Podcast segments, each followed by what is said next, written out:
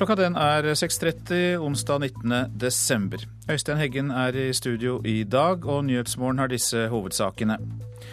Islamistgruppe i Syria skal ha rekruttert opp mot 20 norske statsborgere.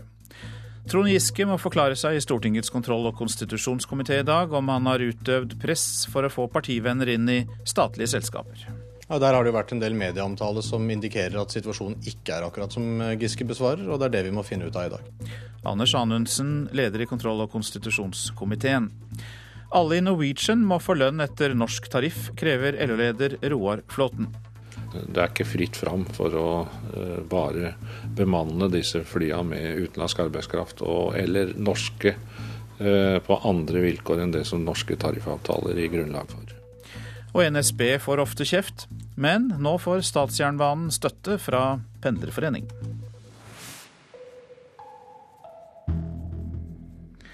Islamistgruppen Jabhat al-Nusra, som er på USAs terrorliste, skal ha rekruttert nordmenn til kamp i Syria, skriver VG.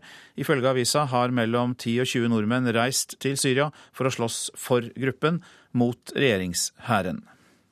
I et intervju med den arabiske avisen Al-Hayat sier en offiser i den frie syriske hæren i Aleppo-regionen at han har sett 13 muslimske nordmenn som kjemper for Jabhat al-Nusra.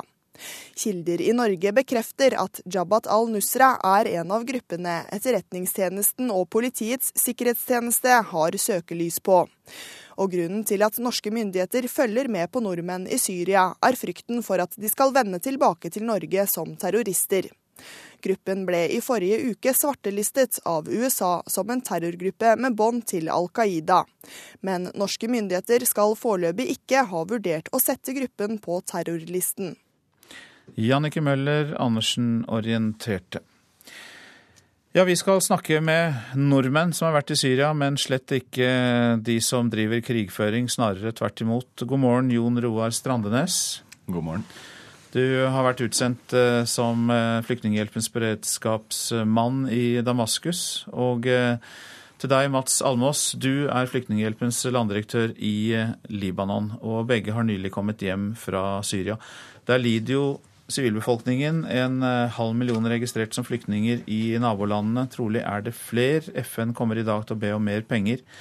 Jon Roar Strandenes, du har altså vært i Damaskus. og Hvordan har du merket krigen der?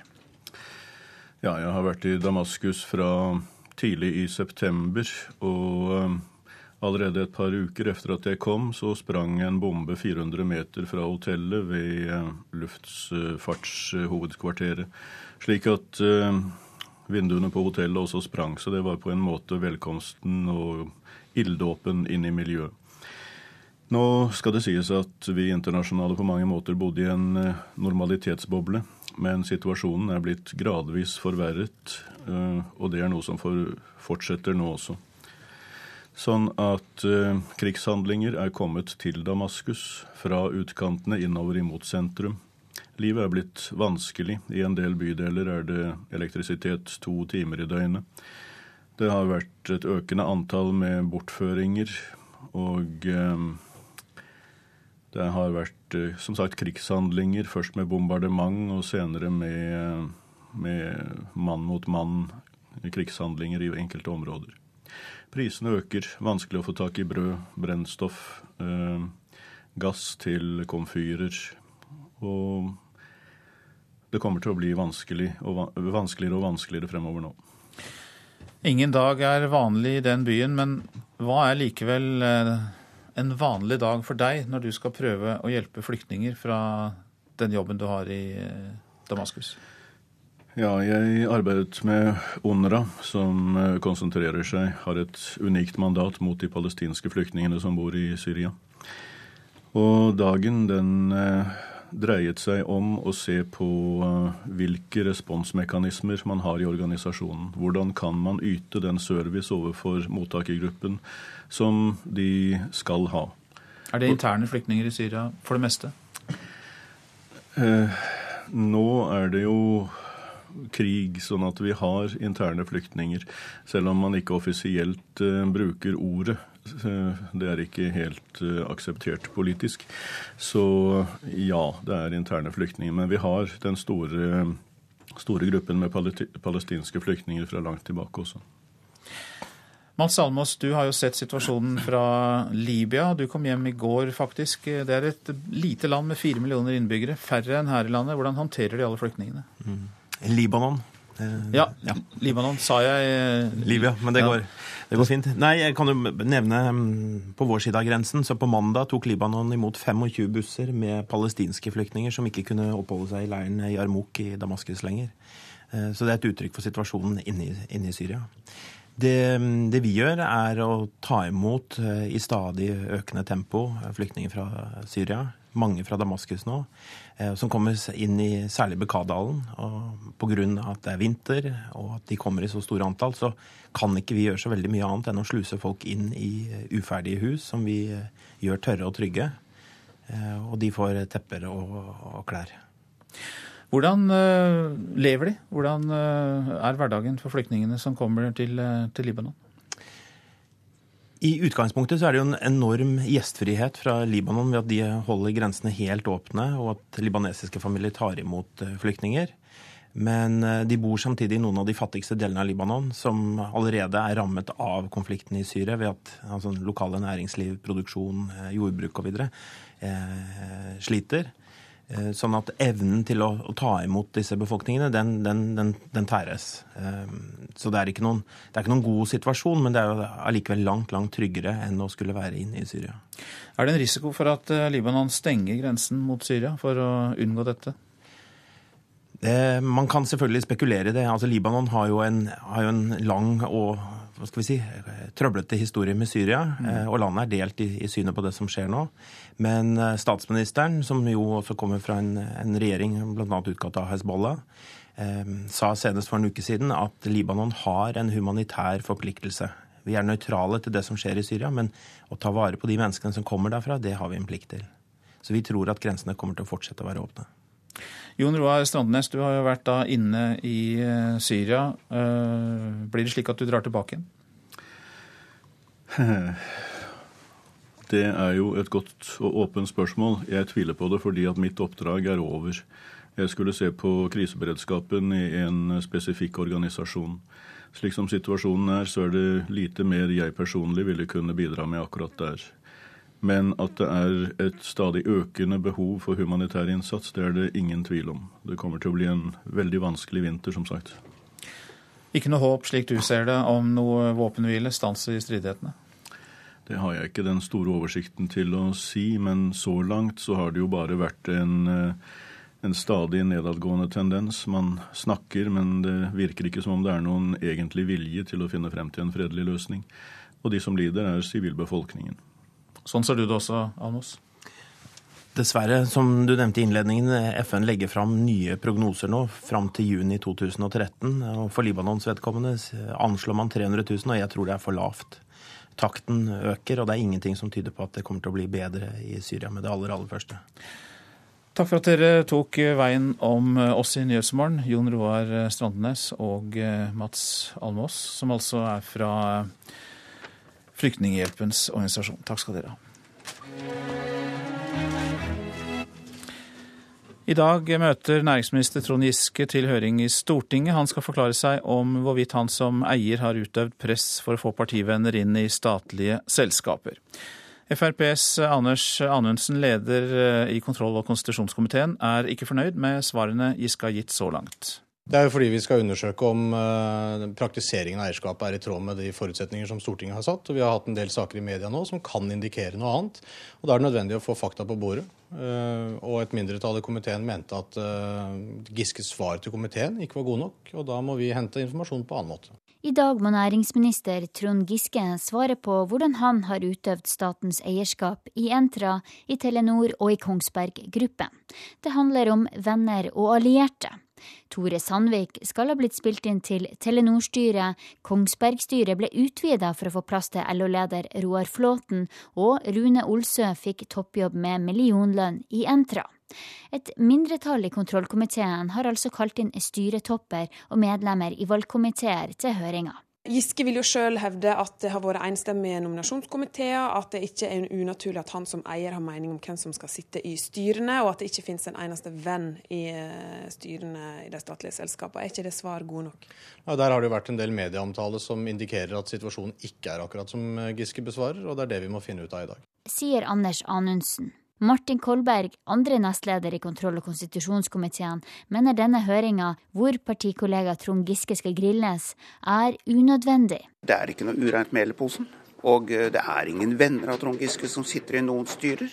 Slik at det vil bli veldig krevende for opposisjonen å dokumentere påstanden om at her er det uregelmessigheter ute og går. De rød-grønne beskylder Høyre og Frp for å drive politisk spill når de har kalt inn til denne høringa. Eh, og vi forundrer oss veldig spesielt over at Høyre til de grader går inn på denne prosessen. Det er prinsipielt meget betenkelig at vi på en måte skal oute, for å bruke det uttrykket, hva som foregår inn i internvalgkomité i et børsnotert selskap. Jeg har lagt merke til at Martin Kolberg sier det stadig oftere i saker som eh, involverer Arbeiderparti-statsråder. Det er eh, uheldig at eh, det lages et inntrykk av at dette er et politisk spill. Dette er en helt legitim og viktig kontrolljobb for kontroll- og konstitusjonskomiteen, som ivaretar det grunnlovsfestede kontrollansvaret til Stortinget. Anders Anundsen fra Fremskrittspartiet, reportere Linda Reinholdsen og Ingunn Solheim. Norske flyselskaper må betale lik lønn til alle ansatte, innleide eller ei. Det sier LO-sjef Roar Flåten. Han mener det er det samme om Norwegian hyrer inn ansatte i Oslo, Malaga eller Helsinki. EUs vikarbyrådirektiv forsterker kravet om likebehandling, sier LO-sjefen. Jeg mener jo at Norwegian eh, det er et norsk flyselskap. At vi nå ser at man nå prøver å omgå norske lønns- og arbeidsvilkår med, med planmessig å etablere såkalte løsarbeidere eller et system for å basere det på andre lønninger. Det vil vi jo innenfor mange andre bransjer kalle sosial dumping. Og som vi motarbeider også.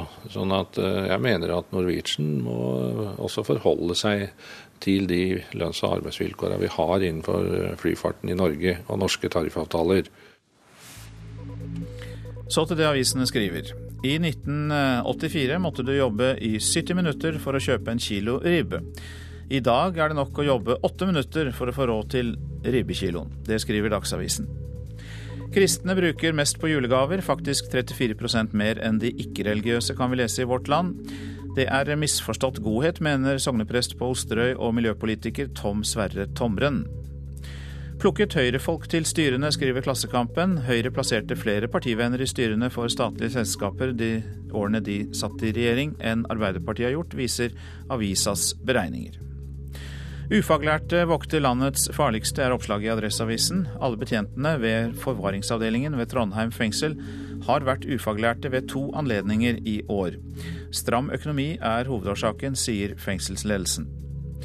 Næringsministeren ber VimpelCom om åpenhet, skriver Dagens Næringsliv. Trond Giske legger press på det delvis Telenor-eide selskapet, og ber om åpenhet rundt investeringene i Usbekistan. Revolusjonenes resultat er uro og fattigdom, skriver Aftenposten om den arabiske våren. Verken Egypt, Tunisia, Libya eller Jemen har klart å bygge et stabilt nytt styre. Konservatoren ville verne, men kommunen ga politi og paintklubb fri adgang til å drive skyteøvelser på Landås skole, skriver Bergensavisen. Tavler, vegger og dører er skutt sønder og sammen etter at politiet brukte skolen til øvelser, og paintballgruppen brukte den som kamparena. Vil boikotte Akvarama, skriver Fedrelandsvennen. Firebarnsmor må betale 27 000 kroner for årsmedlemskap i det nye badeanlegget i Kristiansand. Flere frykter at prisnivået skal skape skiller i befolkningen. Stor forskjell i landbrukstaksten er oppslaget i Nasjonen. Et gardsbruk i Nord-Odal har fått tre forskjellige takster med sprik fra 1,5 til 2,7 millioner kroner.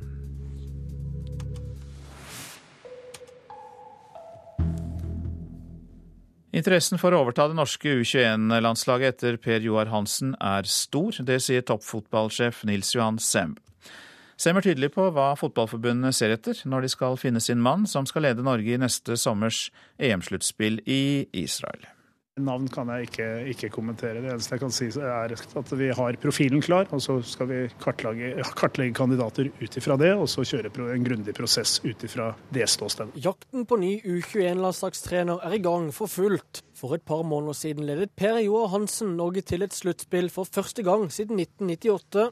Men forrige uke ble Perry ansatt som ny hovedtrener i Rosenborg, og interessen for å overta hans jobb som U21-sjef har ikke latt vente på seg. Jeg har fått ganske mange mailer og, og, og SMS-er av, av, folk som melder sin interesse, og det er jo veldig hyggelig. for Man husker at dette er et utstillingsvindu, ikke bare for spillerne, men også for trenerne. Det er alle de store nasjonene i Europa som er med, og dette har fått stor, stor oppmerksomhet i de store fotballnasjonene i Europa. Per-Mathias Høgmo nevnes som en av favorittene til å overta jobben men han skal etter planen gå inn i en stipendiatstilling ved Universitetet i Tromsø for å fullføre sin doktorgrad.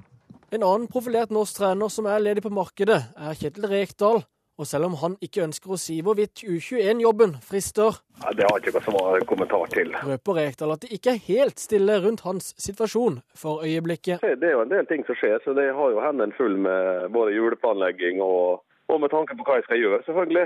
Eh, så det, det, det, er jo ikke stille, det er det jo ikke. Så noe har jeg allerede avvist, så får vi se. Tidligere landslagssjef Åge Hareides kontrakt med svenske Helsingborg gikk ut etter sesongslutt, men han ser ikke for seg at han tar en ny landslagsjobb med det første. Jeg har eh, mest lyst til ferie. Vi holdt på med dette i 26 år i ett strekk. Også, så eh, det er klart at da da kjenner jeg kanskje at jeg må ha, litt, ha en liten pause. og det, det, Den skal jeg bruke, bruke godt. Reporter Anders Mjåland. Dette er Nyhetsmorgen, og klokka den går mot uh, eh, 6.47, ser det ut til.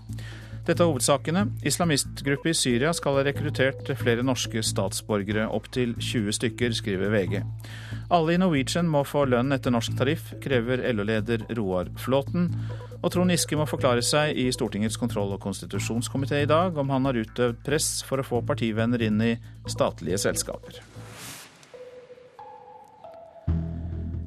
Nå er Pendlerforeningen i Østfold kritisk til at NSB får kjeft for forsinkelsene etter en uke med nye rutetider. Det sier lederen der, Willy Fransen. Han mener at kritikken er feil plassert. De har kun én skinnegang å kjøre på, Eh, bilistene kan ta omveier eh, og vri på rattet. Det kan ikke eh, NSB og togførerne gjøre. De må kjøre på de skinnene de får å kjøre på. Og det er for forferdelig dårlig forfatning sånn som det er i dag. NSB har blitt syndebukk for at staten og Jernbaneverket ikke klarer å legge forholdene til rette, mener Fransen. Siden rutetabellen ble lagt om forrige uke, klager pendlerne over store forsinkelser.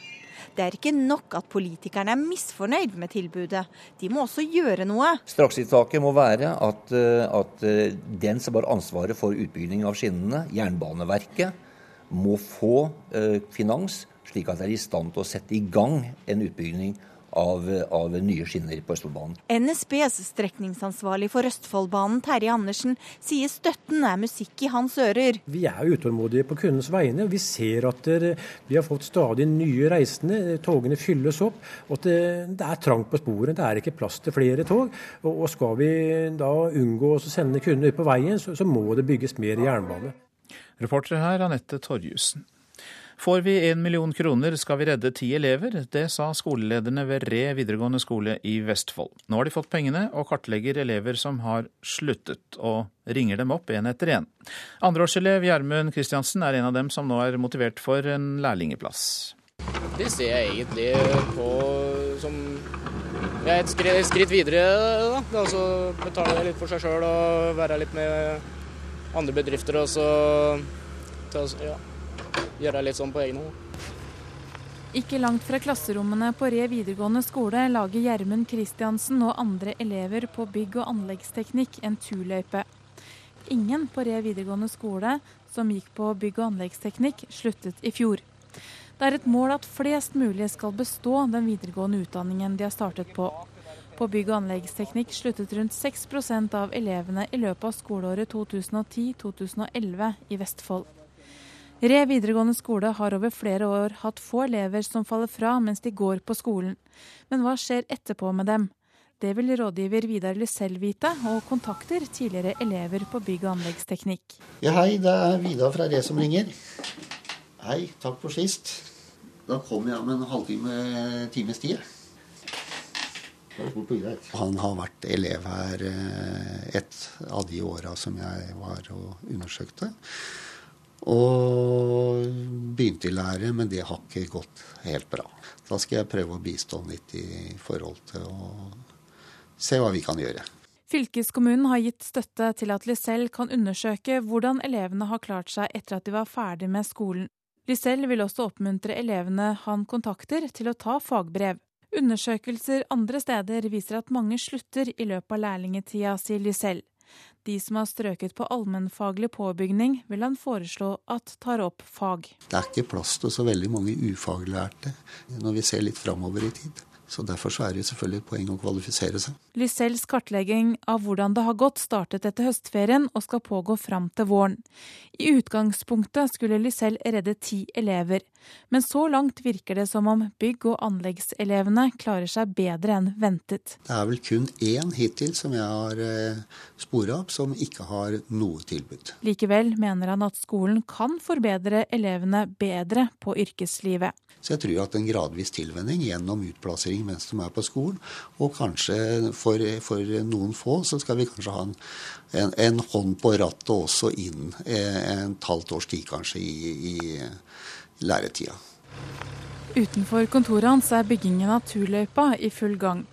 Andreårselev Jørgen Lønn gleder seg til han skal ut i lære. Drømmen er å bli maskinfører og jobbe i tunnel. Ja, nå er det det. Så får vi jo se.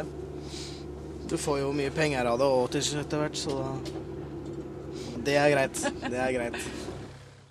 Reporter her Hege Therese Holtung. Medienes samtale av Øygard-saken bidro langt på vei til å forhåndsdømme den tidligere Vågå-ordføreren. Det mener forsvarsadvokat Mette Yvonne Larsen og krisepsykolog Jakob Inge Christoffersen. I dag arrangerer Institutt for journalistikk seminar om mediedekningen. Et stort presseoppbud har dekket rettssaken mot Rune Øygard. Nå er det tid for sjølgransking. Målsettingen er jo selvfølgelig at journalister skal få mer kunnskap. Sier Gunnar Bodal Johansen ved Institutt for journalistikk, som i dag arrangerer seminar for pressen om bl.a. den massive dekningen av Øygard-saken går utover rettssikkerheten. Riktig bevisbedømmelse, og derfor har han anka dom. Rune Øygards advokat Mette Yvonne Larsen skal innlede seminaret der både journalister og redaktører fra lokal- og rikspresse deltar.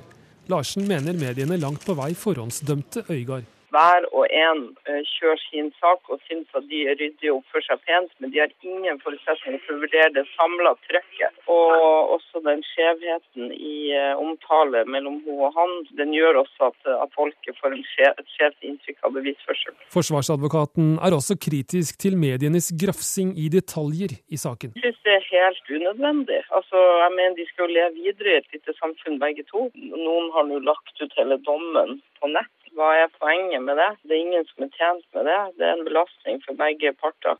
Larsen får støtte av Jakob Inge Christoffersen ved Senter for krisepsykologi i Bergen. Jeg syns den har vært for omfattende og for tung. Rett og slett omfanget av den. Og konsekvensene hvis Øygard hadde blitt frifunnet i retten, kunne jo ha blitt at veldig mange satt igjen med en følelse av at jo jo, men ingen røk uten ild. Sånn at det kan ligne på litt en, i retning av en forhåndsdom fra pressens side. Rett før dommen trykket VG tidligere upubliserte Skype-meldinger mellom Øygard og den fornærmede jenta. Sjefredaktør i VG, Torry Pedersen, sier dette var riktig å gjøre. Dette var eh, et hovedbevismiddel eh, som retten la stor vekt på. Og derfor mente vi det var viktig at allmennheten fikk anledning til å sette seg inn i det. Jeg er enig i at denne unge kvinnen i særdeleshet ikke bør bli møtt med dette på internett i all fremtid. Derfor så la vi denne artikkelen ikke ut på internett. Og det som vi publiserte, det hadde verken denne kvinnen, hennes foreldre eller bistandsadvokaten eh, noe imot at vi publiserte. VG-redaktør Torry Pedersen og reporter Stein S. Eide. Hipsterkulturen bør på Unescos liste over kulturarv. Det mener professor i sosialantropologi, sosialantropologi heter det, Odd Are Berkåk. Norge skal nå nominere immateriell kulturarv til Unescos liste. Altså kulturuttrykk, tradisjoner og utøvende kunstformer. Vi må ikke bare bevare gammeldans og folkemusikk, mener professoren. Respatex og plastikk og, og sånne Respatex-paneler og sånt noe.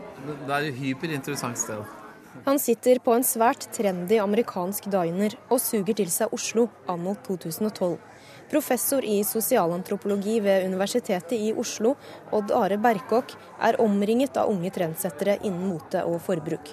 Han mener at hipsterkulturen er et eksempel på moderne kulturuttrykk som bør inn på Unescos liste for immateriell kulturarv. Ja, Det er jo altså en rekke samtidskulturformer som, eh, som er viktige for oss i dag. Eh, du kan tenke på her vi sitter nå på Grünerløkka, altså hele hipsterkulturen. Caffè latte, snowboarding, slengord i dataverden og hipsterkulturen er alle eksempler på kulturuttrykk og praksis som vi omgir oss med i hverdagen.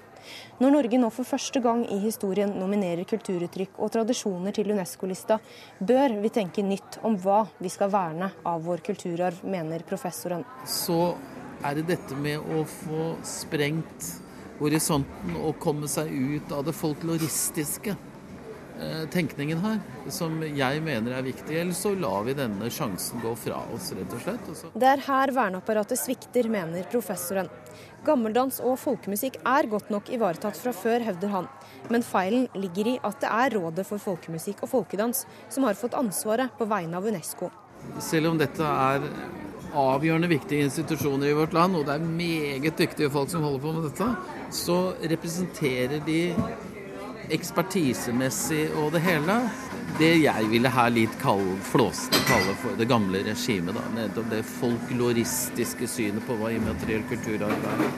Gjørtlertradisjon, eh, bunadssøm, eh, Oselvar, altså båtbyggertradisjon, også bruk av båt. Direktør for Senter for immateriell kulturarv, Eivind Folk, nevner noen av bidragene som er foreslått til listen hittil.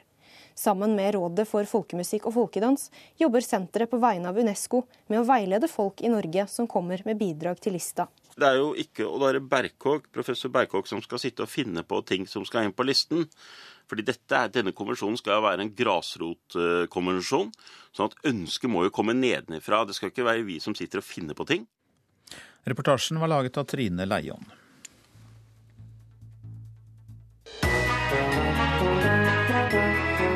I Bergen er det Garasje, i Trondheim 3B og Blast. I Oslo er det ett sted du må være hvis du liker både øl og rock, og det er Last Train.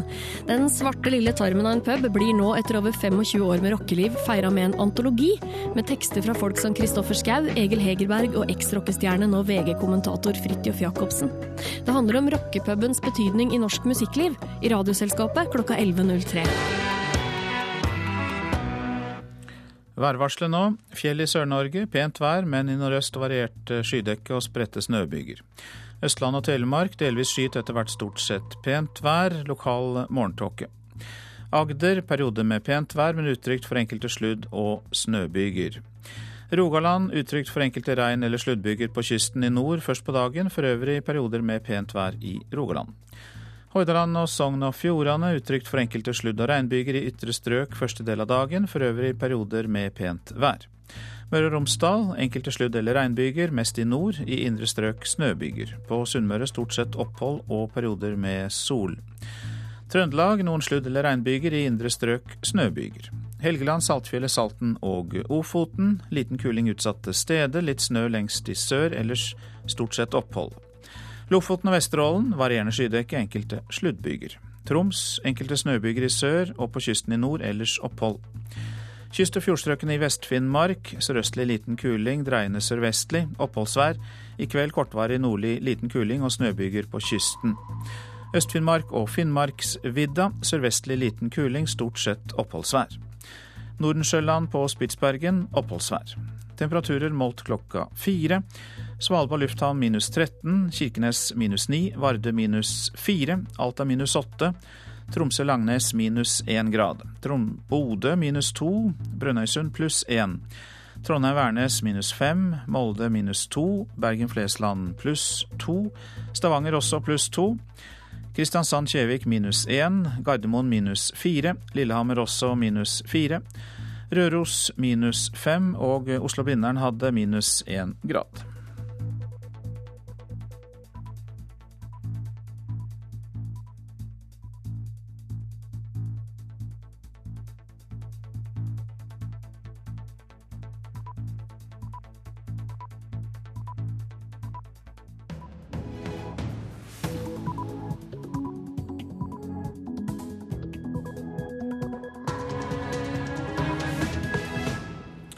Klokka er sju, dette er Nyhetsmorgen, og dette er en nyhetsoppdatering. Det er ingen fare ved å etablere statlig virksomhet utenfor hovedstaden, for rapport viser at bedriftene skaffer seg kvalifisert arbeidskraft også utenfor Oslo, forteller seniorrådgiver Sven Haugberg. Det viser seg at eh, virksomhetene eh, stort sett får rekruttert de eh, personer de ønsker, og at de stort sett klarer å løse de oppgavene de er satt til å gjøre, på en tilfredsstillende måte for staten. LO-sjefen krever at Norwegian betaler alle sine ansatte lønn etter norsk tariff. Norwegian må også forholde seg til de lønns- og arbeidsvilkårene vi har innenfor flyfarten i Norge. Roar Flåten sa det. Såkalte homoseksuell propaganda kan om kort tid bli forbudt i hele Russland. Europarådet har bidratt til å megle fred mellom statsministeren og presidenten i Romania. Og salget av de populære englene til Kirkens Bymisjon har gått til himmels. Håndverker Astrid Kristi får stadig hyggelige tilbakemeldinger på det hun lager. De syns veldig mye om arbeidet.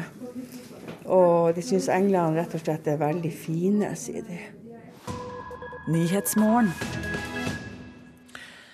Ja, statlig virksomhet utenfor uh, hovedstaden klarer å skaffe seg kvalifisert arbeidskraft. Det viser en ny rapport. Selv på de minste stedene så får bedriftene tak i dyktige folk. Det bekrefter Anne Mette Gjelle ved Lotteritilsynet i Førde. Vi har litt større problemer med å rekruttere erfarne jurister, advokater, revisorer enn det de har i Oslo. Men de problemene er ikke større enn at vi klarer oss veldig godt. Men vi må jobbe litt mer strategisk med rekruttering. Tilsynet som bl.a. kontrollerer lotterier og pengespill, ble etablert i Førde for elleve år siden, og har i dag 67 ansatte. Det er et eksempel på nye etableringer i staten som er gjort utenfor Oslo. Samtidig var det mye bråk da daværende arbeids- og administrasjonsminister Viktor Nordmann sto i bresjen for å flytte 800 etablerte statlige arbeidsplasser ut av Oslo. Mange ansatte valgte å slutte, men å skaffe nye gikk stort sett greit, sier seniorrådgiver Sven Haugberg i Asplan Viak, som har skrevet rapporten for Kommunaldepartementet. Det viser seg at eh, virksomhetene eh, stort sett får rekruttert de eh, personer de ønsker, og at de stort sett iallfall etter en kort periode, klarer å løse de oppgavene de er satt til å gjøre, på en tilfredsstillende måte for eh, staten. Kommunalminister Liv Signe Navarsete sier det ikke er aktuelt å flytte flere etablerte statlige etater ut av Oslo nå. Men hun sier konklusjonen i rapporten bør få konsekvenser for nye statlige arbeidsplasser. Det viktige framover er at de ulike etater og departement går gjennom sin portefølje og ser hva kan en legge til andre steder? Eh, hva er mulig å bygge opp andre steder? Vi ser at det er god eh, arbeidskraft å hente. Eh, det er ofte rimeligere husleie. Så takten på, på, det bør definitivt opp. Ikke gjennom å ta de store etatsutflyttingene, men gjennom at en del av den veksten som, som kommer, kan legges ut til andre deler av landet. I rapporten kommer det fram at det er aller lettest å rekruttere på steder hvor det også finnes andre arbeidsplasser for folk med høyere utdanning. Og det gjelder også på et lite sted som Førde, bekrefter Anne Mette Gjelle i Lotteritilsynet. Førde er spesielt med at vi har mange kompetansearbeidsplasser, og det er lett å, for et par f.eks. å slå seg ned her og finne spennende jobber for begge. Eh, så sånn sett så er vi heldige. Dette innslaget var laget av Tom Ingebrigtsen og Kjartan Røslett. Og eh, så skal vi snakke om eh, en av disse etatene, Brønnøysundregisteret, som mange av oss har vært i kontakt med. Opprettet i 1988 og lagt langt utenfor storbyene til Brønnøysund. Fungerende ordfører der, Paul Birger Torgenes, ja, hva hadde dere vært uten Brønnøysundregisteret? Vi er i hvert fall vært definitivt mye mindre. Fra den starta for 30 år siden og fram til i dag, så har vi fått uh, ca. 600 arbeidsplasser uh, bort på registrene. og Det har gjort at folketallet vokser med en prosent i året omtrent. I hvert fall har det gjort det de siste årene. Hvordan påvirkes byen ellers? Du, Det påvirkes jo at vi får ressurssterke mennesker og også folk med solid kompetanse, som de ikke bruker bare i jobben, men de bruker jo det på, på fritida si òg, om det er på skolesektoren, eh, idrett, kulturliv. Eh, du får en, en, et stort engasjement, en aktivitet som vi ikke ville hatt ellers. Men kan det være en risiko for at eh, kommunen, som du er med og har ansvaret for, kan tappes for eh, kunnskapsrike folk, fordi eh, Brønnøysundregisteret blir nesten for stort for dere? Det er i hvert fall en konkurranse om arbeidskraft. men jeg, jeg, tror faktisk sånn konkurranse er, er, sunn. Jeg tror det gjør at man som arbeidsgiver skjerper seg. og Så skal det jo føyes til at registrene òg har en kjempegod kompetanse på rekruttering av folk. Og Det er samarbeid Brønnøy kommune og registrene og eh, den lokale næringshagen i sånne prosjekter på både å få utflytta brønnøyværinger til å flytte hjem, og få ungdom til å komme til området vårt. Hvordan fungerer denne næringshagen da, og det samarbeidet?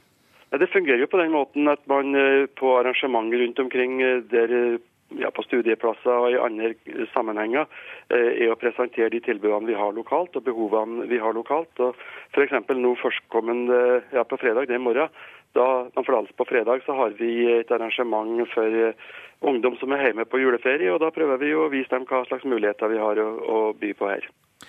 Hvilke ulemper kan det være at eh, man har et eh, så stort register på et mindre sted? Finner du noen? Ja, det finner man jo. Altså, det at du har en, en så stor og trygg og god og attraktiv arbeidsplass, det gjør jo kanskje at eh, engasjementet og interessen for eh, å bli gründer og starte egen virksomhet eh, kanskje ikke blir like stor. Så etter at vi fikk registrene, så merka vel vi et antall nyetableringer oss prosentvis ikke har gått opp. Den har vel heller gått ned. Men du vil gjerne fortsatt ha det? Det kan du være helt sikker på. Det er det beste som har skjedd Brønnøysund, at vi fikk registrene lagt hit. Mange takk, fungerende ordfører i Brønnøy kommune, Paul Birger Torgnes. Norske flyselskaper må betale lik lønn til alle ansatte, om de er innleide eller ei. Det sier LO-sjef Roar Flåten. Han mener det er det samme om Norwegian hyrer inn ansatte i Oslo, Malaga eller Helsinki.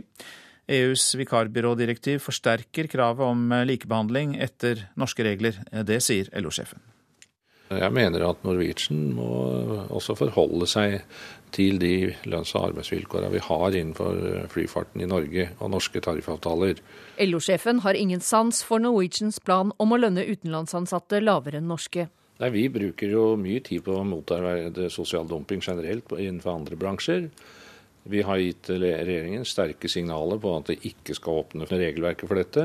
Norske flyselskaper må følge norske lønns- og arbeidsvilkår, og EUs nye vikarbyrådirektiv gjør det enda mer opplagt, sier Roar Flåten. Fordi at disse selskapene, og Norwegian ikke minst, har jo stor del av sin flyvninger i Norge og ut av Norge. Så det er nok mange ting som vil slå inn her. Det er ikke fritt fram for å uh, bare bemanne disse flya med utenlandsk arbeidskraft og, eller norske uh, på andre vilkår enn det som norske tariffavtaler gir grunnlag for. LO-sjefen er på kollisjonskurs med Norwegian-sjef Bjørn Kjos i spørsmål om lønn. Jeg tror ikke det er gjennomtenkt, for det vil jo si at alle Telenor-ansatte i Bangladesh da for eksempel, skulle ha norske lønninger, og alle skjønner jo at det vil du aldri kunne greie å konkurrere med. Går vi utenfor, så vi må, vi må holde de lokale vilkårene, og de må være konkurransedyktige. Og så må folk behandles med, med respekt og med ha en et eh, lønnsnivå som er bra på det stedet de jobber. Eh, men hvis alle ansatte som jobber i Norwegian skal lønnes eh, likt og norskt, hva gjør dere da? Nei, altså, Det ville være umulig, og det ville være umulig for norsk industri. Og jeg tviler egentlig på at du kan, du kan særbehandle én industrigren. Da må du ta alle industrigrener over ett. Da, og Det vil jo si at du bare masseeksporterer all industri i Norge som, er, som konkurrerer i utlandet. Men det tar Roar Flåten og LO med knusende ro. Ja, Nå har vi jo til tider hørt at det er en del av næringslivsledere som, og forretningsdrivende som har til tider truga trugga med å flagge ut, enten om det er formuesskatt eller skattesystem eller om andre ting. Så det er jo ikke noe nytt. Eh, hvis det er sånn at det bare for å utnytte de ansatte med lavere lønns- og arbeidsvilkår, at man da er lettere å drive sosial dumping i Sverige enn i Norge. Ja ja, det, det er mulig det er det. Men da er den vel velkommen der, da. Regjeringen har nå den vanskelige saken til behandling, men konfliktene i luften blir neppe løst før neste år. Det sa Hedvig Bjørgum, som hadde laget denne saken sammen med Linda Reinholdsen. Og vi tar med litt nyheter om iskrem. En dårlig sommer til tross. Både Henning Olsen-is og Diplomis går med overskudd i 2012. Det er ikke lenge siden Diplomis var på konkursens rand og Tine ville selge. Nå forventes det et overskudd på mellom 30 og 40 millioner kroner. Klokka den er 7.10 godt og vel, og dette er hovedsaken i Nyhetsmorgen. Det går fint å etablere statlig virksomhet utenfor Oslo. Rapport viser at bedriftene greier å skaffe seg kvalifisert arbeidskraft også i distriktene. LO-sjefen krever altså at Norwegian betaler alle sine ansatte lønn etter norsk tariff. Sør-Korea kan få sin første kvinnelige president dersom det blir konservativ seier i presidentvalget. Mer om det om eh, noen minutter. For først til Russland. I dag skal de folkevalgte i Dumaen drøfte et lovforslag som vil bety forbud mot det som blir kalt homoseksuell propaganda. Flere russiske byer har allerede vedtatt et forbud, og nå kan det komme til å gjelde hele landet. Moskva-korrespondent Hans-Wilhelm Steinfeld, hva er bakgrunnen for lovforslaget? Det var bystyret i St. Petersburg som først var ute og vedtok forbud mot såkalt pedofilipropaganda. Ehm, det er jo da et helt unødig forslag. Det er ingen som propaganderer for pedofili. Og russisk politi er faktisk ganske godt rustet i kampen mot f.eks. barneporno på internett. Ehm, eh, så det er utgangspunktet. Så har det kommet frem en veldig illiberal strømning eh, mot eh, skal vi si, modernitet i russisk kultur. Jesus Christ Superstar ble forbudt som blasfemisk i Rastov ved Don. Så dette forslaget speiler en ganske alvorlig illiberal understrømning i det russiske samfunn. Statsminister Dmitrij Medvedev sier at loven er unødvendig, så hvorfor fremmes den likevel? Primært mener paraplyorganisasjonen Regnbuen for de homofile her i Russland at det er Kirken som står bak, og overhodet for Kirken. Eh, patriark Kirill 2. har rettet veldig alvorlige anklager mot Kirkenes verdensråd for um, forståelsen for de homofile sak i Kirkenes verdensråd, sier den norske generalsekretæren. Og dette bidrar jo til å styrke troverdigheten av de homofiles egen analyse om at Kirken presser på for dette. Hvordan er den faktiske situasjonen for homofile i Russland, Hans-Wilhelm Steinfeld? Svært stigmatiserende. Homofile venner av meg som har reist litt i vest, sier at når de f.eks. er i Berlin, føler de at eh, likesinnede er mye mer fri og naturlig enn de kan tillate seg her i Russland. I Russland lever de homofile i skapene. Er det noe tvil om at eh, lovforbundene Dumaen skal behandle mot det som altså blir kalt homoseksuell propaganda, blir vedtatt? Det blir jo spennende å se, da. For det er et veldig konformitetspress mot patriotisme og konforme holdninger i Dumaen, uansett partifunksjon. Derfor er denne motstanden mot lovforslaget fra Dmitrij Medvedev viktig. Det er jo en av hans egne partikamerater fra partiet Eh, Forent Russland, som han selv leder, som fremmer dette forslaget. Og skulle det bli vedtatt, trass i statsministeren forrige presidents oppfatning av dette lovforslaget, så vil et vedtak av en lov som forbyr eh, opplysningsarbeid for homofile, ramme Medvedjevs illiberale, nei, liberale image og ramme hans autoritet. Og som Regnbuen, de homofiles egen organisasjon, sier Homofili er ikke noe ideologi, og herunder stikker naturligvis de konservative kreftenes motstand mot f.eks. homoparader. Mange takk skal du ha, Moskva-korrespondent eh, Hans-Wilhelm Steinfeld. Europarådet har bidratt til å megle fred mellom statsministeren og presidenten i Romania. Balkanlandet har i flere år vært plaget av lammende krangler mellom de to øverste lederne. Men generalsekretær i Europarådet Torbjørn Jagland sier at en kritisk rapport fra Europarådet har fått politikerne på bedre tanker. Jeg hadde møte med Romanias ambassadør som informerte meg om at eh, statsminister og president nå har eh, inngått en skriftlig avtale om prinsipper for hvordan de skal eh, samarbeide.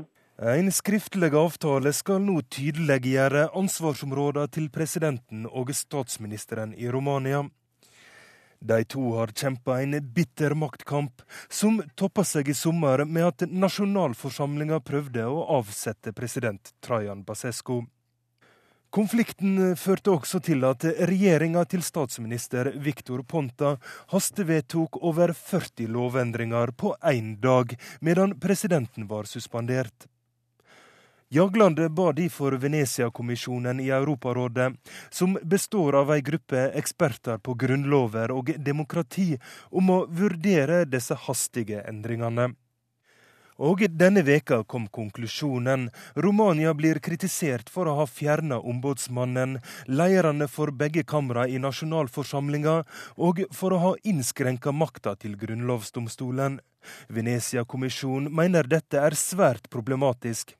Det var jo ganske krass eh, kritikk, om menn i, i diplomatiske ordelag. Hvor hard vurderer du den kritikken til å være?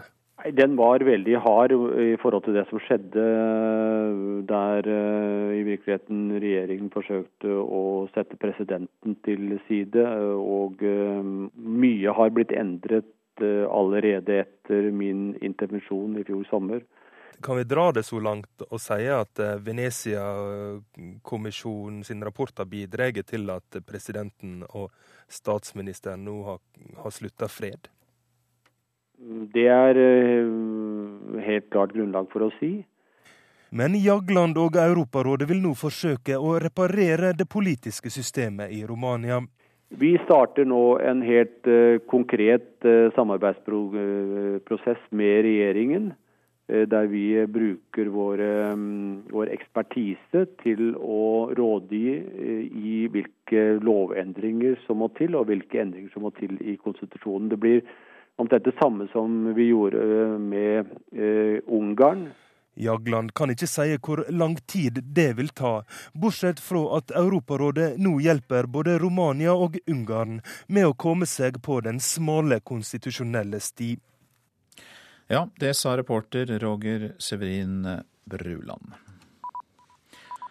Aksjene til flere våpenprodusenter har falt etter massakren i Connecticut i USA fredag. Flere selskaper har solgt seg ut hos produsentene av våpnene som ble brukt da 20 barn og 6 voksne ble skutt og drept. Samtidig har våpensalget i USA steget. Enda en helsearbeider er blitt drept i Peshawar nord i Pakistan. Seks kvinner som arbeider for å bekjempe polio, har dermed blitt drept det siste døgnet. Det er ukjent hvem som står bak drapene. I Mexico ble elleve fanger drept under et rømningsforsøk i et fengsel. Fangene skjøt mot fengselsansatte og vakttårn, mens flere av dem forsøkte å flykte gjennom tunneler og over et gjerde. Også seks fangevoktere ble drept. Dette var altså i Mexico. Tidligere president i Sør-Afrika Nelson Mandela er i mye bedre form, men skal bli på sykehuset. 94 år gamle Mandela må fortsatt få medisinsk behandling. President Jacob Zuma sier legene er fornøyd med framgangen, alderen til Mandela tatt i betraktning.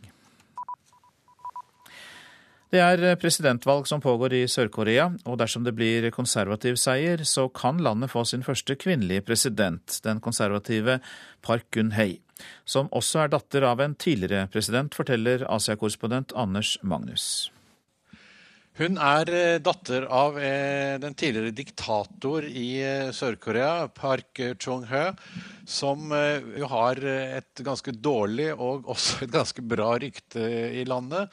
Dårlig fordi han styrte med å tvinge sine motstandere i fengsel med tortur og, og, og en del sånne ting. Og så Eh, positiv fordi landet opplevde en fantastisk økonomisk framgang. Så det er mange, særlig eldre, som uh, syntes han var en kjekk kar, og uh, vil gjerne ha hans datter i presidentpalasset, og, og tror at det kan føre til en bedre økonomisk politikk.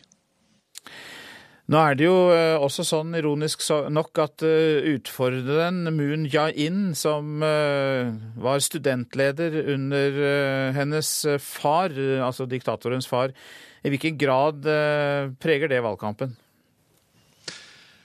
Ikke så mye. Han, han, er jo mye mer liberal.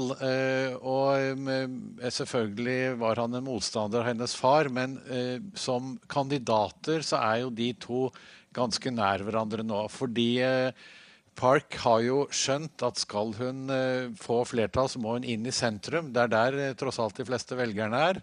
Og Moon gjør det samme fra venstresiden inn mot sentrum. Så de har på mange måter nærmet seg veldig politisk, disse to kandidatene.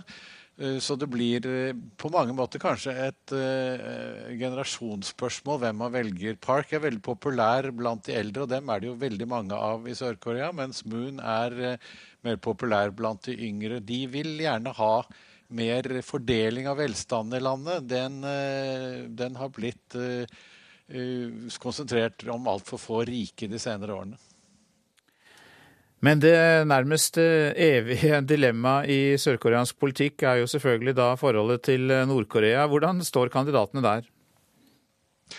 Det er jo veldig interessant, for begge har jo en historie i forhold til Nord-Korea. Eh, Parks mor ble skutt av en agent som trolig jobbet på oppdrag fra Nord-Korea, i hvert fall hadde sympatier mot Nord-Korea. Eh, mens eh, Moons eh, far og, mor måtte flykte fra Nord-Korea under Koreakrigen.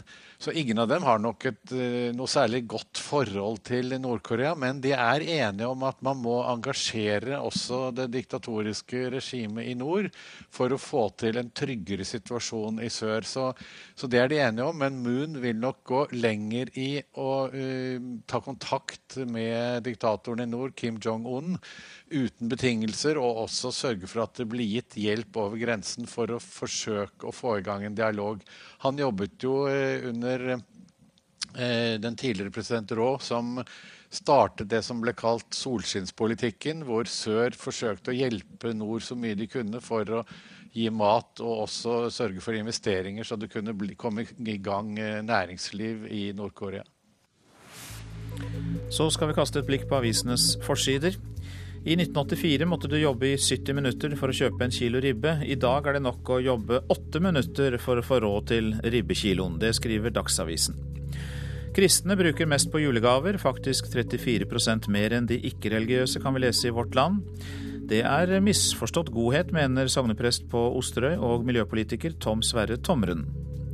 Plukket Høyre-folk til styrene, skriver Klassekampen. Høyre plasserte flere partivenner i styrene for statlige selskaper sist de satt i regjering enn Arbeiderpartiet har gjort, viser avisas beregninger.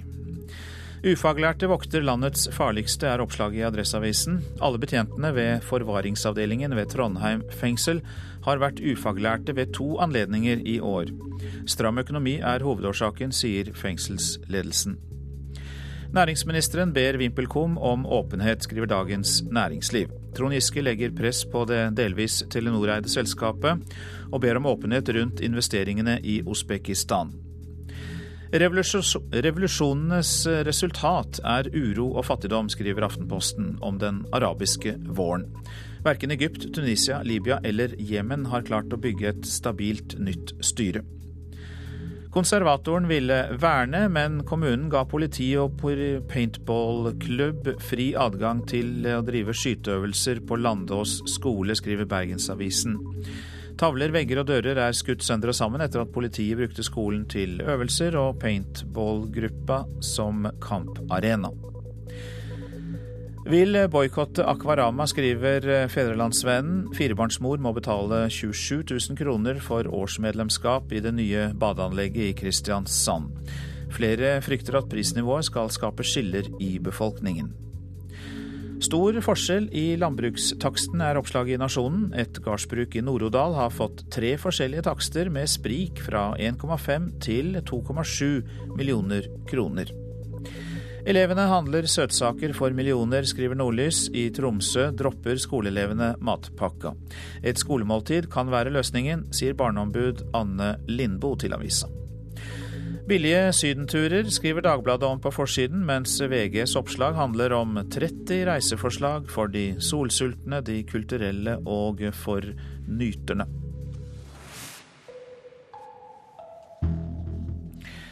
De er blanke, røde og blå og laget av glass. Salget av de populære englene til Kirkens Bymisjon har gått til himmels. Vi tok turen til verkstedet og englebutikken midt i Bodø sentrum for å se hvordan glassenglene lages.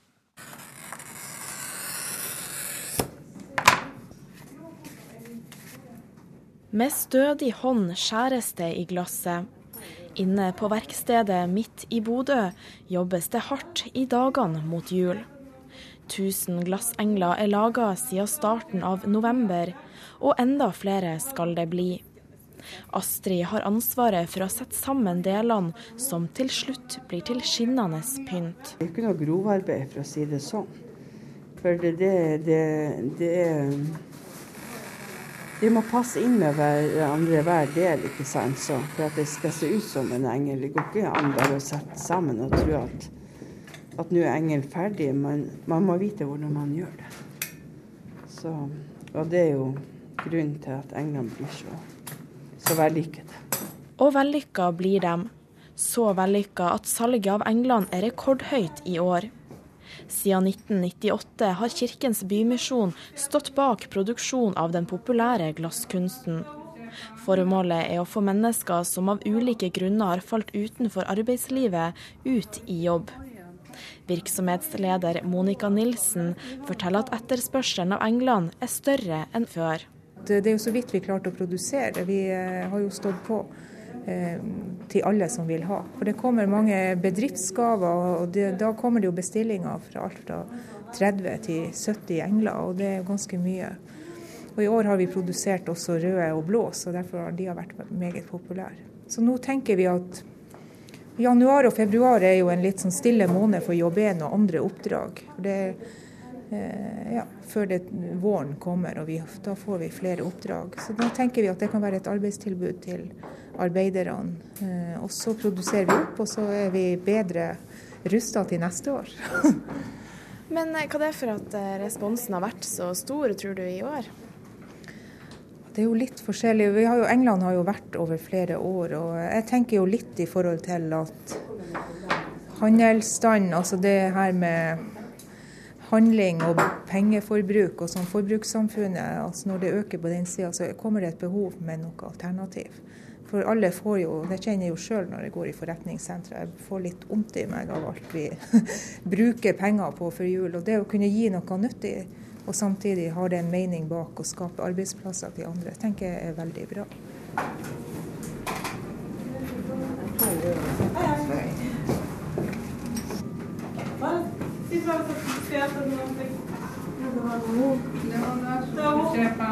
Det så har noen borte på disken hvis du ser på dem. Vi tar litt i. Så har vi blå også, men jeg vet ikke om vi har noen klar nå.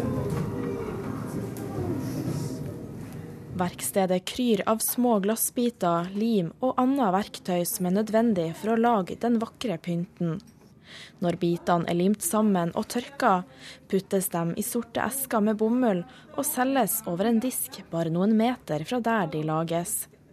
De små englene har blitt populær pynt i mange hjem, og håndverker Astrid får stadig hyggelige tilbakemeldinger på det hun lager. De syns veldig mye om arbeidet. Og de syns englene rett og slett er veldig fine, sier de. Og så står de da og kikker litt her på, på dette engleverkstedbordet da, og, og, er veldig interessert hvordan man får til å lage en sånn engel. Og det, den er jo sprunget ut av en idé som, eh, som en dame har da. Så eh, jeg har lært å lage den engelen, og den blir jo riktig. Og så er de litt forskjellige alle sammen, selv om det, det, det er sprunget ut fra samme idé. Hvis du ser her, så er det litt bredere og kanskje litt smalere, så de er unike, disse englene. Ja.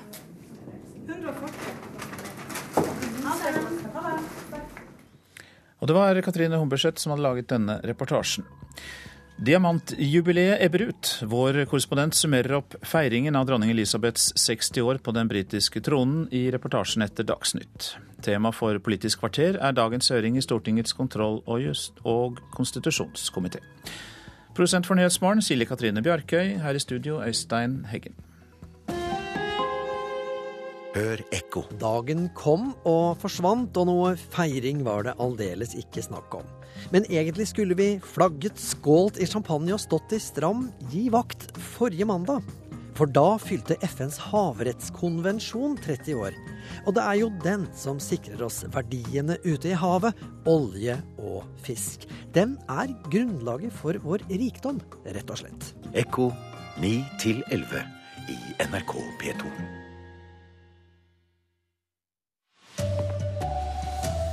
Giske grilles på Stortinget i dag, beskyldes for å ha plassert venner i statlige styrer. Det går greit å skaffe kvalifisert arbeidskraft til statlige etater ute i distriktene. Elleveåring i USA tatt med håndvåpen i skolesekken. Foreldrene ville han skulle forsvare seg. Her er NRK Dagsnytt klokken 7.30. Har næringsminister Trond Giske utøvd press for å få partivenner inn i ledelsen for tre statlige selskaper? Det vil opposisjonen ha svar på i dagens høring i Stortinget. Leder i kontrollkomiteen Anders Anundsen fra Fremskrittspartiet er ikke fornøyd med svarene Giske har kommet med hittil. Da er det nødvendig å få fakta på bordet. Eh, og et mindretall i komiteen mente at eh, Giskes svar til komiteen ikke var god nok. Og da må vi hente informasjon på annen måte. I dag må næringsminister Trond Giske svare på hvordan han har utøvd statens eierskap i Entra, i Telenor og i Kongsberg Gruppen. Det handler om venner og allierte. Tore Sandvik skal ha blitt spilt inn til Telenor-styret, Kongsberg-styret ble utvida for å få plass til LO-leder Roar Flåten, og Rune Olsø fikk toppjobb med millionlønn i Entra. Et mindretall i kontrollkomiteen har altså kalt inn styretopper og medlemmer i valgkomiteer til høringa. Det er jo fordi vi skal undersøke om uh, praktiseringen av eierskapet er i tråd med de forutsetninger som Stortinget har satt. Og vi har hatt en del saker i media nå som kan indikere noe annet. Sier Anders Anundsen. Martin Kolberg, andre nestleder i kontroll- og konstitusjonskomiteen, mener denne høringa, hvor partikollega Trond Giske skal grilles, er unødvendig. Det er ikke noe ureint mel i posen. Og eh, det er ingen venner av Trond Giske som sitter i noen styrer. Slik at det vil bli veldig krevende for opposisjonen å dokumentere påstanden om at her er det uregelmessigheter ute og går. Reportere Linda Reinholsen og Ingunn Solheim. Høyre plasserte langt flere av sine egne partifeller i statlige styrerom da de hadde makten, enn det Arbeiderpartiet har gjort. Det viser avisen Klassekampens gjennomgang av utnevnelsene til den forrige og den sittende regjeringen. Da den høyredominerte Bondevik II-regjeringen gikk av i 2005, satte elleve personer med bakgrunn fra Høyre i statsselskapenes styrer. I dag sitter det sju personer med Arbeiderpartibakgrunn der. Statlige virksomheter utenfor Oslo klarer å skaffe seg kvalifisert arbeidskraft, viser en ny rapport. Selv på mindre steder får man tak i dyktige folk, selv om det tar litt lengre tid, bekrefter Anne Mette Gjelle ved Lotteritilsynet i Førde. Vi har litt større problemer med å rekruttere erfarne jurister, advokater, revisorer enn det de har i Oslo. Men de problemene er ikke større enn at vi klarer oss veldig godt. Men vi må jobbe litt mer strategisk med rekruttering. Tilsynet som bl.a. kontrollerer lotterier og pengespill, ble etablert i Førde for elleve år siden, og har i dag 67 ansatte. Det er et eksempel på nye etableringer i staten som er gjort utenfor Oslo. Samtidig var det mye bråk da daværende arbeids- og administrasjonsminister Viktor Nordmann sto i bresjen for å flytte 800 etablerte statlige arbeidsplasser ut av Oslo. Mange ansatte valgte å slutte, men å skaffe nye gikk stort sett greit, sier seniorrådgiver Sven Haugberg i Asplan Viak, som har skrevet rapporten for Kommunaldepartementet. Det viser seg at uh, virksomhetene uh, stort sett får rekruttert de uh, personer de ønsker, og at de stort sett iallfall etter en kort eh, periode, klarer å løse de oppgavene de er satt til å gjøre, på en tilfredsstillende måte for eh, staten. I rapporten kommer det fram at det er aller lettest å rekruttere på steder hvor det også finnes andre arbeidsplasser for folk med høyere utdanning.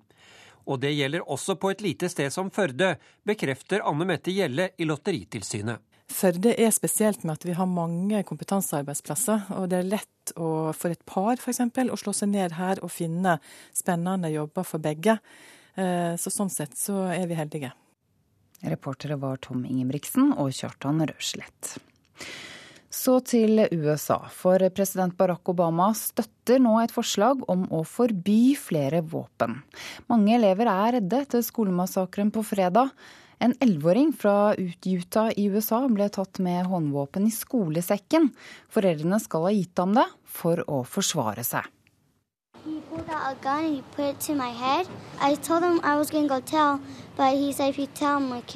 Han rettet våpenet mot hodet mitt. Da jeg sa jeg skulle sladre på ham, truet han med å drepe meg. Isabel Rios forteller om hva hun opplevde da en elleve år gammel gutt tok frem et uladet våpen han hadde i skolesekken. He did make some sort of claim that it was in response uh, to defend himself against uh, uh, an incident similar to what occurred in, in Connecticut. Han skal ha sagt han hadde det med for å forsvare seg mot tilsvarende hendelser som i Connecticut, sier skoletalsmann Ben Horsley. Ifølge rapporter ved skolen skal gutten ha blitt oppfordret av sine foreldre til å ta med pistolen.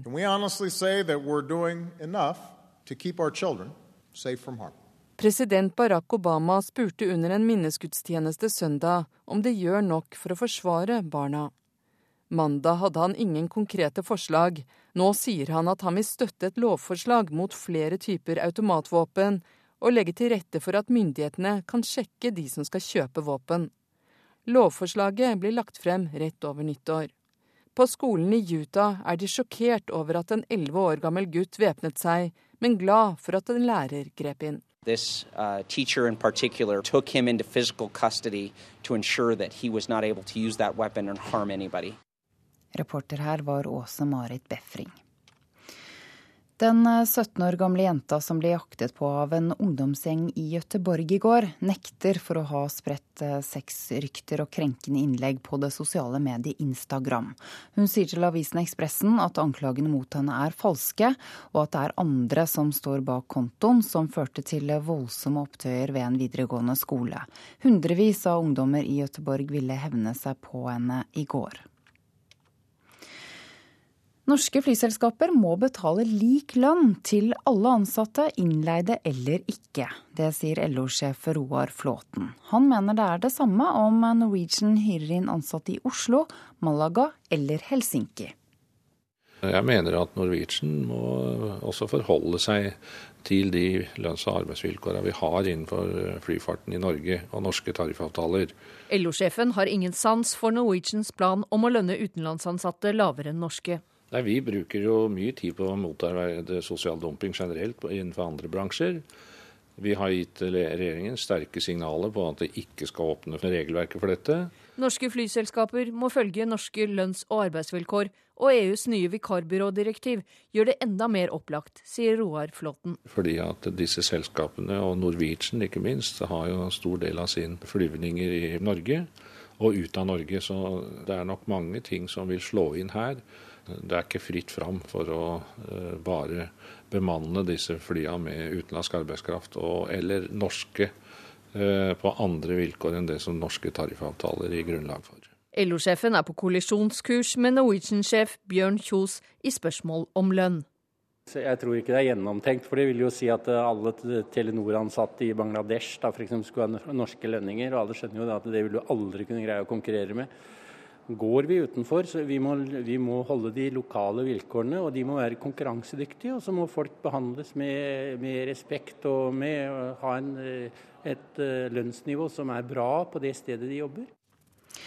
Det var Hedvig Bjørgum som hadde snakket med Bjørn Kjos og LO-sjefen Roar Flåten. Så sport. 2012 har vært et krevende, men lærerikt år for Antidoping Norge. Det sier daglig leder Anders Solheim. Med dopinginnrømmelsene til Steffen Kjærgaard og Vukisevic-saken mener han at Antidoping Norge møter det nye året med vind i seilene.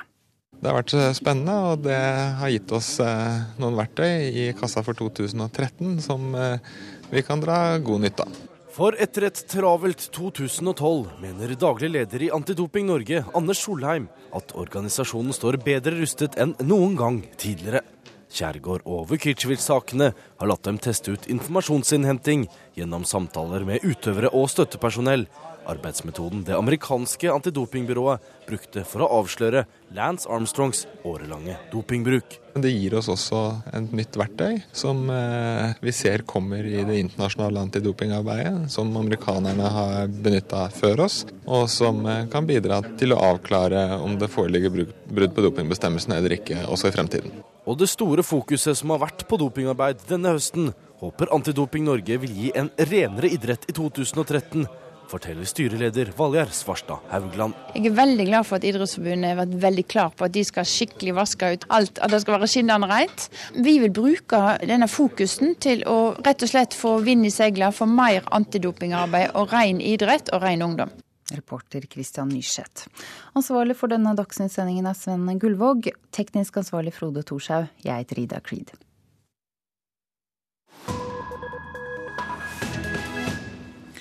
P2s Nyhetsmorgen lytter du til. Britene legger bak seg et år utenom det vanlige, et år i dronningens tegn. I går deltok 86 år gamle dronning Elisabeth for første gang på et regjeringsmøte i Downing Street, som avslutning på diamantjubileumsåret. En statsminister ønsker en britisk monark velkommen til regjeringsmøtet i Downing Street for første gang i fredstid siden 1781, tror man. Et historisk møte, en takk til en høyt skattet dronning fra en regjering og dets folk. Men det var slik det begynte. Med kanonsalutter i februar, den dagen for 60 år siden dronning Elisabeth ble dronning. Så fulgte den store folkefesten i juni. 1000 båter ned Themsen, gjennom London sentrum. Et fantastisk skue. Noe selv ihuga antimonarkister bare måtte ha med seg. Because this is the biggest flotilla to be on the Thames for something like 350 years, so not to be part of it we thought was a bit sad. Historisk ble det i et forrykende regnvær. 91 år gamle prins Philip pådro seg blærekatarr og sykehusopphold, men britene festet til ære for sin stadig mer populære dronning.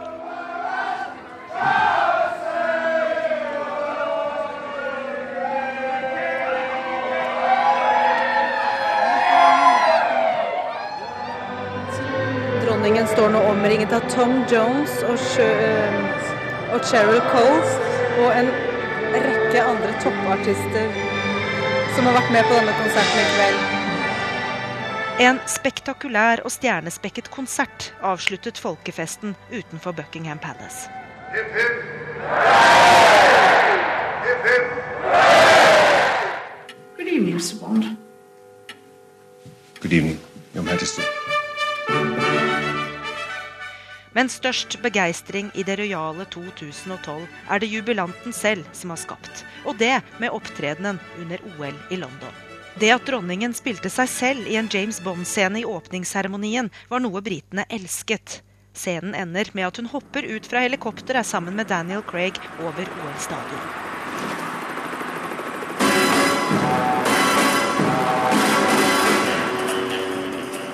It does suggest a royal arrival unlike any we've ever seen. En fersk måling British Council har fått gjort i elleve land, viser at OL og diamantjubileum bidro til et mer positivt inntrykk av Storbritannia. Utlendingene mener britene har fått større innflytelse på resten av verden, og flere vil reise til Storbritannia på ferie pga. TV-bildene fra idrettsfesten og dronningfesten. Men spørsmålet er hvor lenge et slikt oppsving vil vare. Mange tror det kan bli kortvarig.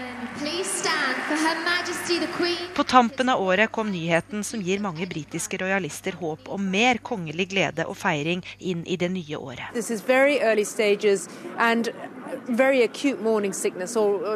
Hertuginnen av Cambridge er gravid. En tronarving er på vei.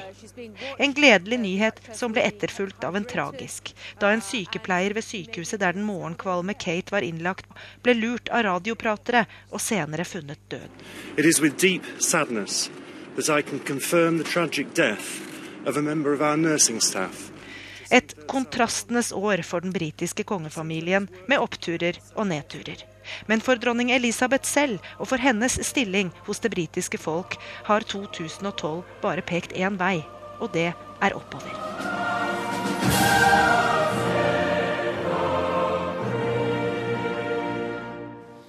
Reportasjen var laget av Gry Blekastad Almås, vår korrespondent i London. Dette er hovedsaken i Nyhetsmorgen. Det går fint å etablere statlig virksomhet utenfor Oslo. Rapport viser at bedriftene greier å skaffe kvalifisert arbeidskraft, også i distriktene. LO-sjefen krever at Norwegian betaler alle sine ansatte lønn etter norsk tariff. Og Sør-Korea kan få sin første kvinnelige president dersom det blir konservativ seier i presidentvalget der. Nå er det klart for Politisk kvarter. Programleder Lars Nehru Sand. Her sitter både Jens Stoltenberg og Trond Giske.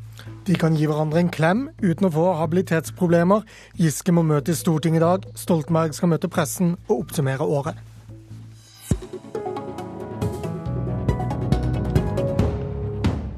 Trond Giske, velkommen.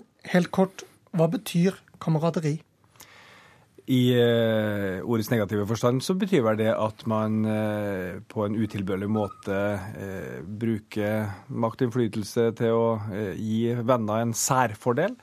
Så det er et ganske annet ord enn kameratskap, som min bevegelse kjenner veldig godt, og som er en veldig positiv betegnelse. Hva er så galt med å utnytte at man har bekjentskapskrets og nettverk? Jeg tror bare at man skal være ryddig. Det er ikke noe gærent å ha venner.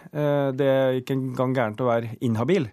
Eh, man må bare passe på at eh, når man er det, så er man ryddig i den type saker. Eh, og at man ja, bruker makta si med visdom og forstand. Det er nøkkelen til å sitte lenge som statsråd, f.eks. Denne balansegangen er det mange som mener du ikke klarer. Hvorfor hagler det ofte slike beskyldninger mot deg?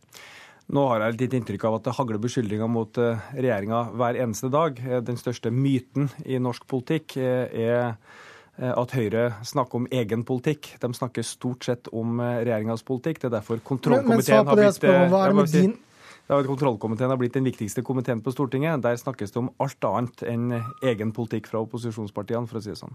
Men det er noe med din måte å drive politikk på som gjør at du er en større skyteskive i denne type saker enn mange av dine kollegaer? Nei, men det har jo vært et par saker da, hvor eh, opposisjonen til det fulle eh, har eh, utnytta sitt spillerom. Eh, F.eks. i ansettelsen av eh, direktør i Entra, hvor nettopp en god venn av meg ble ansatt. Men nettopp eh, derfor jeg meldte meg inhabil allerede i april. Og det, og det, det her tror jeg litt folk, eller noen kanskje misforstår, at det er det å være inhabil som er gærent. Det er ikke det. Det er å blande seg inn i saken hvis du er inhabil. Og det har jeg da overhodet ikke gjort. Kanskje ikke. I dag må du møte i Stortinget i forbindelse med tre konkrete saker. Kollega Katrin Hellesnes orienterer. Påstanden er at Giske utøvde press for å få LO-leder Roar Flåten valgt inn i styret i Kongsberg Gruppen.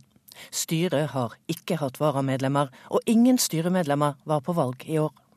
Tore O. Sandvik ble foreslått til Telenor-styret, ifølge flere medier, etter press og innspill fra Giske og etter en utskifting i Entra-styret ble det flertall for å ansette Giske-venn Rune Olsø som sjef. Også her stilles det spørsmål ved Giskes rolle i kulissene. Når brakte hvem Flåtens navn på banen til et styre hvor ingen var på valg? Ja, nå må jeg korrigere en ting. Det er uh, generalforsamlinga sjøl som hvert eneste år bestemmer om det skal være valg eller ikke. Så det er helt opp til generalforsamlinga. Det men de blir valgt for lengre perioder i utgangspunktet? Ja, men det er vårt ansvar. Det står i innstillingen fra komiteen. Ja da, men vi gjør det veldig klart uh, hvert eneste år at vi uh, har de valgene som vi mener er nødvendige. Men til spørsmålet, når brakte hvem Flåtens navn på banen? Ja, I Kongsberg er det veldig greit, for der står det faktisk i valgkomiteens innstilling allerede fra i vår Eh, at dette var statens forslag, at vi ønska å få utvida, eh, eller vi ønska å få Roar Flåten inn. Eh, vi ønska å ha en større samfunnskompetanse i det styret. Det er mange grunner til det. En av dem er at Kongsberg er et selskap som opererer i et veldig politisk landskap. Veldig mye reguleringer og politiske spørsmål rundt en slik virksomhet. Det andre er, som har vært en stor debatt i, i hele år, Eh, skal vi få kontroll på lederlønnsutviklinga, få god eh, samfunnsstyring i de ulike eh, selskapene, samfunnsansvar, så må vi ha folk med samfunnskompetanse. Roar Flåtten har grundig samfunnskompetanse. Han har til og med sittet i Kongsberg-styret før, helt til Høyre kasta han ut da de satt i regjering. Nå putta vi han inn. Det er en helt fair utøvelse av eiermakt. Hvem spilte inn Sandviks navn i Telenor-styret?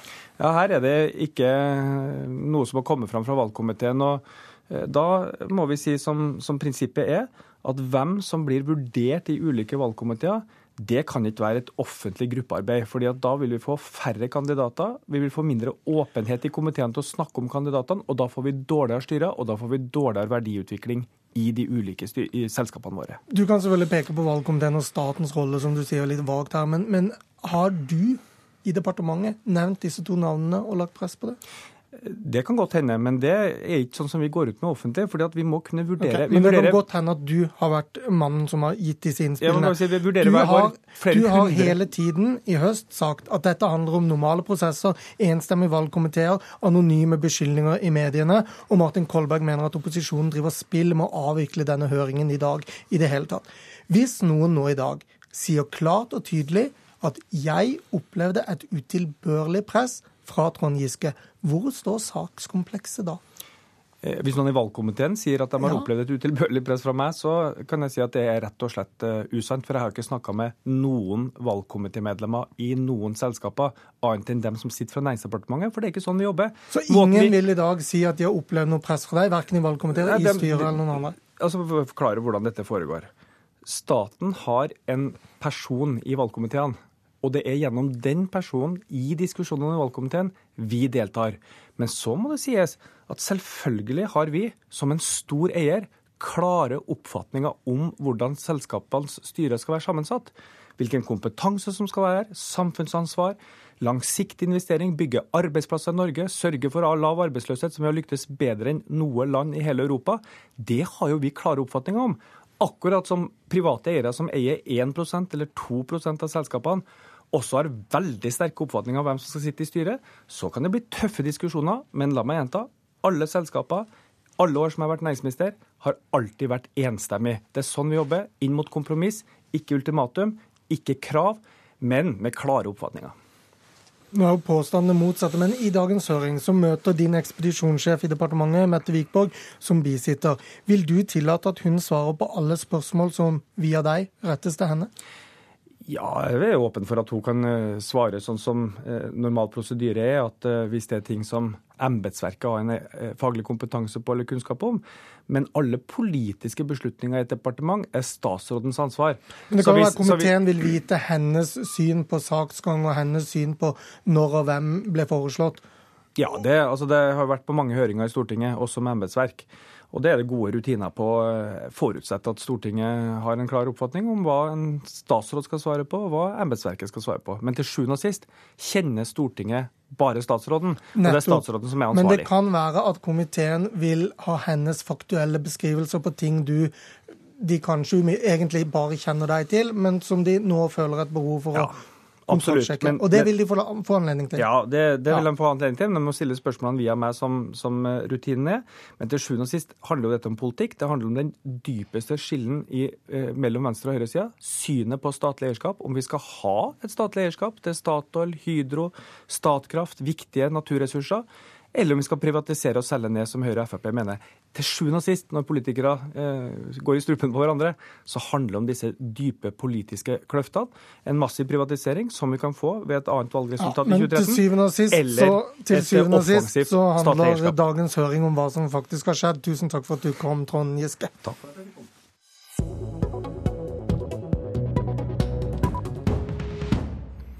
Som fikk med seg et klapp på skuldra, men ingen klem fra Stoltenberg i, eh, på vei ut av studio her i dag.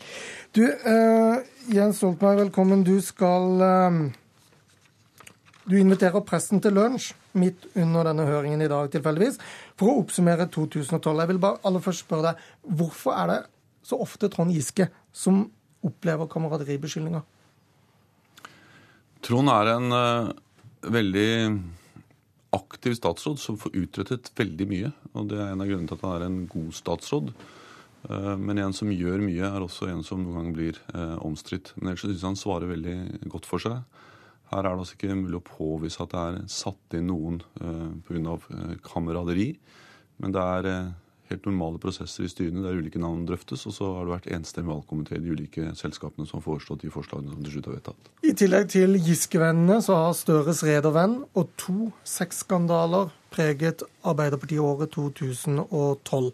Av Ingebrigtsen og Øygard-sakene, hvilken har gjort størst inntrykk på deg?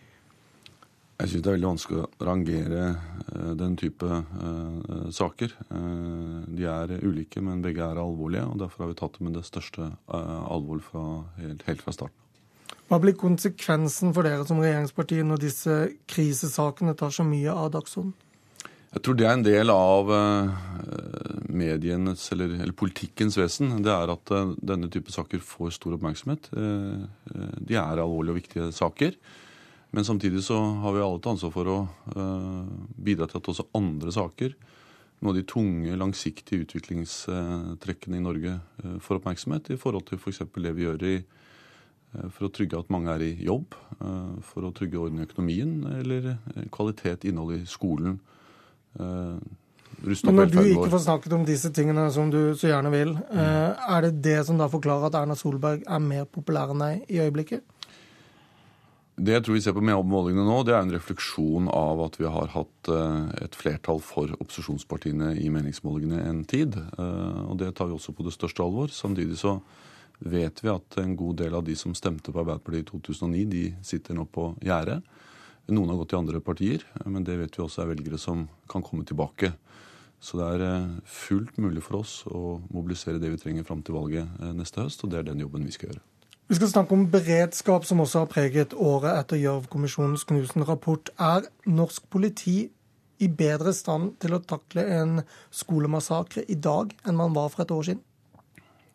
Norsk politi er i hvert fall på viktige områder knyttet til beredskap eh, styrket. Det er tilført økte ressurser. Det øves mer. Beredskapstropp, PST, er styrket. Helikopterberedskap er styrket. Men jeg tror viktigere enn at det har blitt mer penger, mer utstyr, eh, er at man har begynt å gjøre noe med kulturen, med holdninger. Og Da har vi startet på toppen, eh, i regjeringen, hos de statlige lederne. Fordi det mest alvorlige i 22. juli-kommisjonens rapport var ikke at man pekte på mangel på enkeltressurser, men det var at man pekte på en manglende kulturforståelse av at også i et trygt samfunn som Norge, så må vi forstå farer og risiko. Og det Eh, den kulturendringen er vi i ferd med å ta tak i. Og det vil ta tid. Men for å bare svare på spørsmålet en gang til. Er, er norsk politi bedre i stand til å takle en skolemassakre i dag enn for et år siden? Ja, det er styrket på mange av de områdene som, uh, som det vil handle om. F.eks. Uh, beredskapstropp, uh, uh, utstyr. Men som jeg prøver å si, så er det med personell, utstyr, viktig. Men den fundamentale svikten 22.07 handlet ikke først om mangel på ressurser, men det som kommisjonen selv sier, ressurser som ikke fant hverandre. Eh, og eh, som ikke ble brukt på den rette måten. Og det, er, eh, det tar tid, men det arbeidet er i gang. Og vi har startet med alle de statlige topplederne og er i gang med det fra toppen og nedover. I 2005 så skrev dere i regjeringserklæringen at regjeringen skulle ta samfunnsutviklingen i Norge i en ny retning. Hva er det mest radikale regjeringen har besluttet i år? Jeg tror at det ikke er meningen å plukke fram én sak. Jeg tror at det vi snakker om er ting som utvikler seg over tid. Og det viktigste vi har gjort, er å uh, legge om kursen i en retning der vi igjen sier at det viktigste er at vi løser oppgavene i fellesskap. Uh, det betyr at vi stanset en del veldig omfattende privatiseringer, f.eks. av skolen.